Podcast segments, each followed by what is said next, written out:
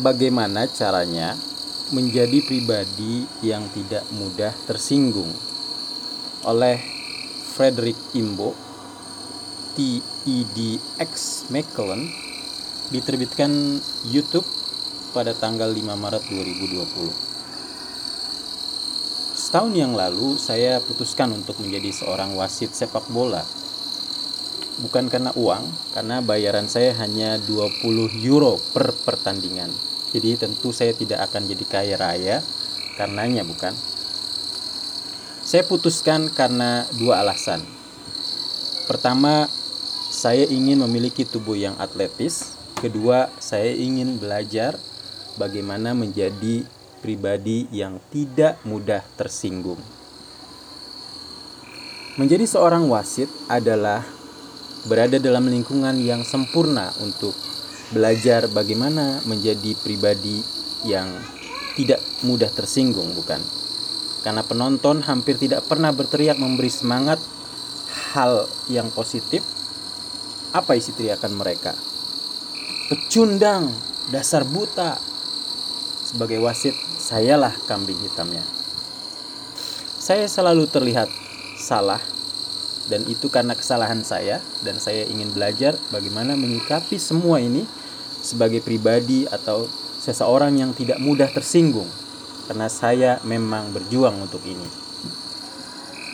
Contohnya, saat saya menyetir mobil sambil berusaha mencari-cari alamat, ada orang yang menyetir juga di belakang mobil saya. Saya merasa dihantui apalagi saat mereka mulai membunyikan klakson dan mengedipkan lampu depan, saya jadi tersinggung. Saya tahu harusnya saya tidak boleh tersinggung, tapi itu terjadi. Tentu Anda bisa memahami saya.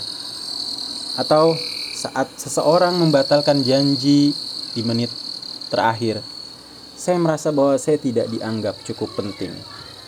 Lagi saya menjadi tersinggung.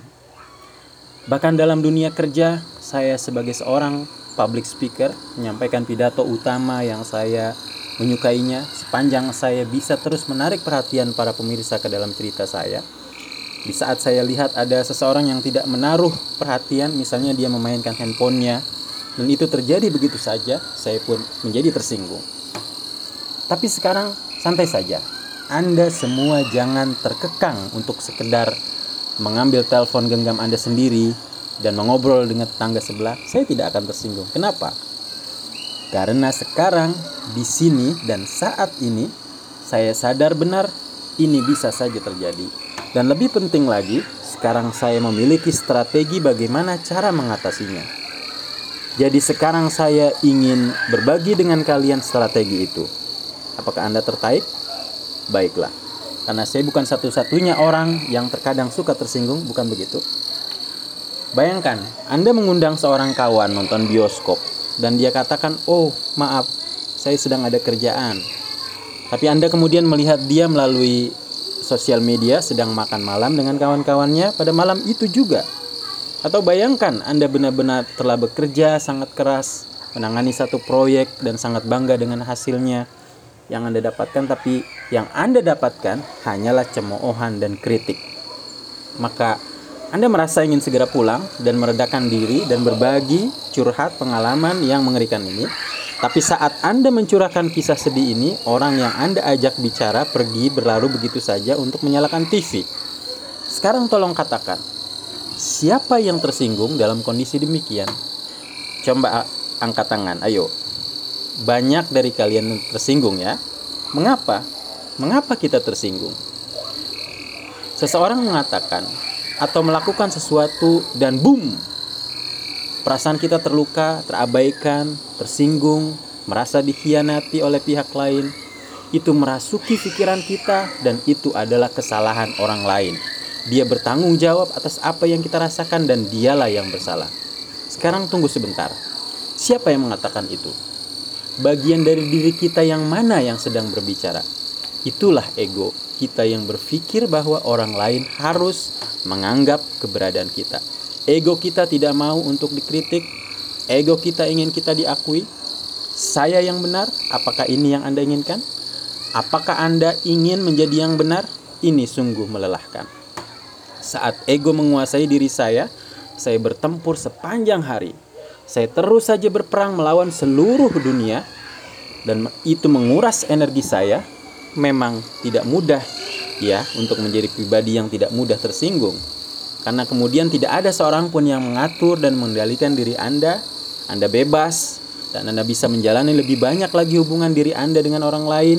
Tentu karena energi Anda dapat berjalan ke arah hal-hal yang indah daripada bertempur tanpa akhir melawan hal yang membuat baper dan membuat Anda marah. Lalu pertanyaannya adalah, apakah Anda ingin menjadi yang benar ataukah Anda ingin menjadi yang bahagia?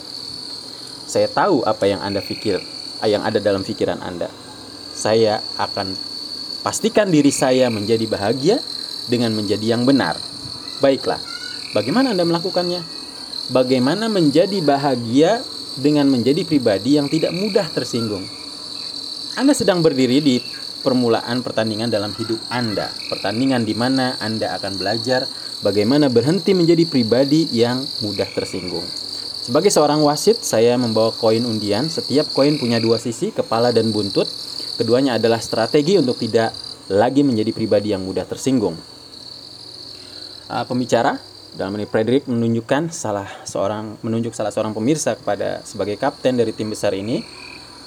Uh, dia berkata Anda boleh pilih kepala atau buntut dan pemirsa itu memilih kepala. Frederick menjadi ko, uh, mengundi koin dan pemirsa tersebut beruntung karena kepala yang keluar. Baiklah, inilah strateginya. Yang pertama, ini bukan tentang saya. Apa maksudnya? Ini kedengarannya aneh ya, karena saat saya menjadi uh, sebagai pribadi yang mudah tersinggung, saya yakin itu adalah tentang diri saya. Saat saya melihat seorang memainkan HP-nya, saya merasa tersinggung. Saya berkata dalam hati, "Hei, saya sudah berjuang habis-habisan dan ini adalah waktu yang diberikan kepada saya untuk menyampaikan presentasi. Saya mau dihargai." Dalam pikiran saya berkata, "Untuk saya, diri saya dan sayalah." Kedengarannya tidak asing ya. Sebenarnya ini bukan tentang saya. Bagaimana jika saya mencoba memandangnya dari perspektif orang lain? menanyakan diri saya mengapa mengapa dia memainkan HP-nya. Mungkin dia baru saja menerima satu pesan penting yang memang sedang ditunggu-tunggunya atau tema presentasi saya, presentasi saya bukan sesuatu yang dia nikmati, bisa nikmati. Bisa saja atau sebaliknya dia justru menganggapnya sangat penting presentasi saya sangat penting dan dia mau mencatat dengan menggunakan HP-nya. Ngomong-ngomong cara yang sangat smart ya saya hanya butuh memindahkan fokus saya dari saya kepada kita. Dan saya tidak akan menjadi pribadi yang mudah tersinggung. Jika saya berusaha melihat, memahami niat atau isi hati orang lain, saya membuka ruang untuk memahami, untuk menggantikan ruang kekesalan. Apakah sampai di sini cukup menyentuh kesadaran Anda? Saat Anda membawa anak Anda ke ruang tidur, tapi dia menolak, dia lemparkan dirinya ke lantai, menendang-nendang dan berteriak, "Aku benci papa atau mama." Apakah Anda lalu tersinggung? Tidak. Anda tidak tersinggung karena ini Anda tahu bukan tentang diri saya. Ini tentang apa yang dia mau, apa yang dia butuhkan. Dia marah karena dia hanya ingin untuk bisa bermain sebentar lagi dan hanya itu. Jadi, strategi pertama untuk tidak mudah tersinggung adalah ini bukan tentang diri saya, tapi pahamilah niatan, atau isi hati orang lain. Saat seorang supir menyetir mobilnya, sangat dekat di belakang dan menyalakan lampu depan, dia melakukan itu mungkin karena dia sedang terburu-buru. Itu bukan tentang saya. Saya kira Anda paham. Sederhana itu kan teorinya, karena dalam kehidupan nyata itu berubah menjadi pekerjaan yang sangat luar biasa. Bapak, Ibu, apakah Anda tahu ada beberapa banyak ide yang dihasilkan, ada berapa banyak ide yang dihasilkan otak kita dalam seharian. 50 ribu dan tebak berapa di antaranya yang positif? Hanya 10 ribu. Jadi ini intinya artinya 80% dari apa yang ada dalam pikiran kita adalah ide-ide yang negatif. Itu banyak ya saat Anda melihat teman berbicara satu sama lain, lalu mereka memandang Anda dan mulai tertawa. Anda berpikir, "Oh, mereka mesti memperhatikan sepatu baru saya dan mereka juga menginginkannya." Atau Anda malah berpikir, "Brengsek, Mereka menertawakan saya, mereka menggosipkan saya. Jadi perlu banyak usaha untuk membetulkan diri Anda sendiri dan mengatakan tunggu. Saya belum punya clue atau petunjuk. Mereka mungkin mentertawakan sesuatu yang mungkin tidak ada hubungannya dengan diri saya. Jadi, memahami niatan atau isi benak yang positif dari orang lain membutuhkan banyak latihan dan kedisiplinan. Itu sebabnya saya menjadi seorang wasit. Untuk melatih otak saya untuk tidak mudah tersinggung. Saya melatih otak saya satu jam setengah per pekan seluruh uh, periode atau masa dari satu pertandingan. Saya katakan ini untuk boneka-boneka sepak bola. Sekarang, sebelum pertandingan, saya melakukan pemanasan. Tidak hanya badan tapi juga mental. Saya berikan kepada diri saya kata penyemangat di ruang ganti baju, Frederick, awas. Ada banyak hal yang bisa menjadi pemicu dirimu selama pertandingan. Engkau akan membuat keputusan yang sebagian orang tidak menyetujuinya. Mereka akan menyemburkan hal-hal yang tidak menyenangkan kepadamu. Jadi saya katakan kepada diri saya, Frederick, jangan mudah tersinggung. Ini bukan tentang dirimu. Mereka hanya mau jadi yang benar. Mereka hanya ingin agar tim mereka yang menang. Paham kan? Saat saya berkonsentrasi memahami orang lain, tidak ada perlunya untuk jadi mudah tersinggung. Ketika saya coba praktekkan strategi ini dengan penuh kesadaran, saya akui, saya merasakan lebih santai di lapangan. Saat para coach atau pelatih, pemain, atau penonton tidak setuju dengan keputusan saya, saya tidak mudah terlontar dari keseimbangan, terlempar dari keseimbangan saya.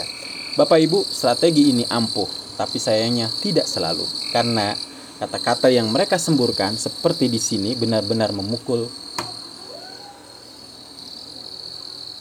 pusat saraf. Anda pecundang, pilih hobi yang lain. Kamu tahu apa itu? Sana pergi mancing. Aduh, mungkin mereka benar.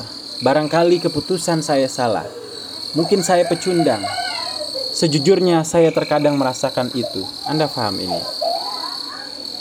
Setiap koin punya sisi lain. Dikala strategi ini bukan tentang diri saya, tidak lagi ampuh, itu berarti ini tentang diri saya. Saya harus berkaca dan menanyakan kepada diri sendiri sebagai seorang wasit pemula, saya masih merasa tidak aman. Khususnya diri saya, saya tidak pernah bermain sepak bola. Ini tentang saya karena ini berhubungan dengan ketidaknyamanan, ketidakamanan saya. Saya meragukan diri saya atau satu bagian dari diri saya yang saya belum bersepakat dengannya. Bapak Ibu, Anda bisa menangkap poin saya ya. Jadi meskipun saya paham bahwa supir hanya menyetir terlalu dekat di belakang karena dia terburu-buru, saya masih tersinggung saat dia membunyikan klakson atau menyalakan lampu depannya. Jadi saya harus bertanya kepada diri saya, mungkin saya menyetir mobil terlalu lambat. Saya menyadarinya saya hanya tidak suka bagian dari diri saya yang ceroboh itu. Kenapa lagi saya jadi tersinggung? Iya kan? Saat saya katakan, Bapak Ibu, Anda adalah jeruk. Siapa yang tersinggung? Tidak ada ya. Kenapa tidak? Karena tidak ada sedikit pun dalam diri Anda meyakini fakta bahwa Anda adalah jeruk. Jeruk. Kecuali tentu saja jika Anda adalah jahe dan Anda merasa buruk karenanya yang untuknya ini tidak berlaku dengan diri saya. Untungnya ini tidak berlaku untuk diri saya. Tapi uh, saat seorang berkomentar, Frederick, Anda orang yang sangat egois. Aduh, saya benar-benar tersinggung. Itu terjadi karena saya tahu ada benarnya dalam komentar itu. Jika saya jujur, saya sadar akan fakta bahwa saya tidak selalu memperhatikan kebutuhan orang lain.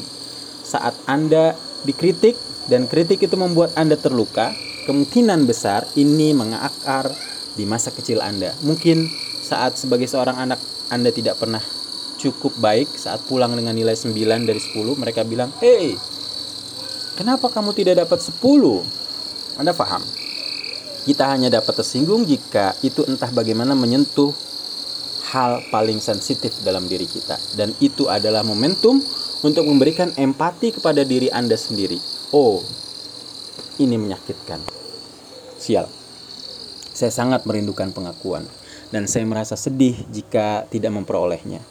Anda memahaminya dan Anda juga dapat Kenapa tidak berbicara lantang? Katakan kepada orang lain apa yang terjadi dalam diri Anda. Hei, sampai di sini.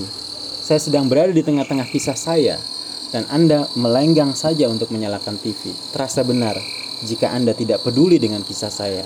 Ini tidak bagus.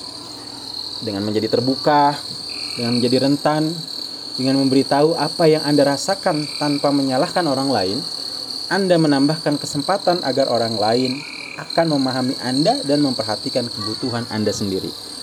Pahamkah apa yang saya maksud? Kesimpulannya, bagaimana Anda tidak mudah tersinggung pertama, ini bukan tentang diri saya. Pahami niatan atau maksud hati orang lain. Jika itu masih juga tidak ampuh, kedua, ini tentang diri saya. Berempatilah kepada diri Anda sendiri dan berbicaralah. Bapak Ibu, mohon jangan tersinggung dengan ini, tapi saya sungguh berharap agar Anda tersinggung dengan beberapa hal dalam beberapa jam dalam sehari. Jika Anda benar-benar melakukannya, Anda dapat menguji kedua strategi ini. Bayangkan, hanya bayangkan jika kita semua bisa mempraktekkan ini semua. Tidakkah ini akan memperkuat hubungan kita secara besar-besaran? Bersama kita bisa menciptakan dunia yang lebih baik, bukankah itu hebat? Dan sebagai seorang wasit, saya bahkan menghasilkan uang dengan itu. Siapakah yang tidak suka memperoleh 20 euro ini sambil mengeluarkan uang lembaran untuk belajar bagaimana caranya menjadi pribadi yang tidak mudah tersinggung? Banyak yang mau ya, kata Frederick. Pembicara, uh, Frederick meremas lembaran 20 euro yang ditawarkan. Masih ada yang mau ya? Pembicara, Frederick mengunyah di mulutnya 20 euro lembaran tadi, lalu meludahinya ke lantai dan menginjaknya dan dia bertanya masih ada yang mau ya? Dan memang masih ada yang menjawab ya. Kepada yang mau Frederick uh, lalu bertanya mengapa anda masih mau dengan lembaran 20 euro yang sudah uh, diremas-remas sudah dikunyah di mulut sudah diludahi sudah diinjak-injak? Lalu pemirsa itu menjawab karena itu masih bernilai 20 euro Frederick mengatakan orang mungkin menyerang Anda, mengkritik Anda, atau mengabaikan diri Anda. Mereka dapat meremas-remas Anda dengan kata-kata mereka, meludahi Anda, bahkan menginjak-injak Anda. Tapi ingatlah, apa pun yang mereka lakukan atau mereka katakan, Anda selalu mempertahankan dan menjaga nilai atau harga diri Anda. Terima kasih.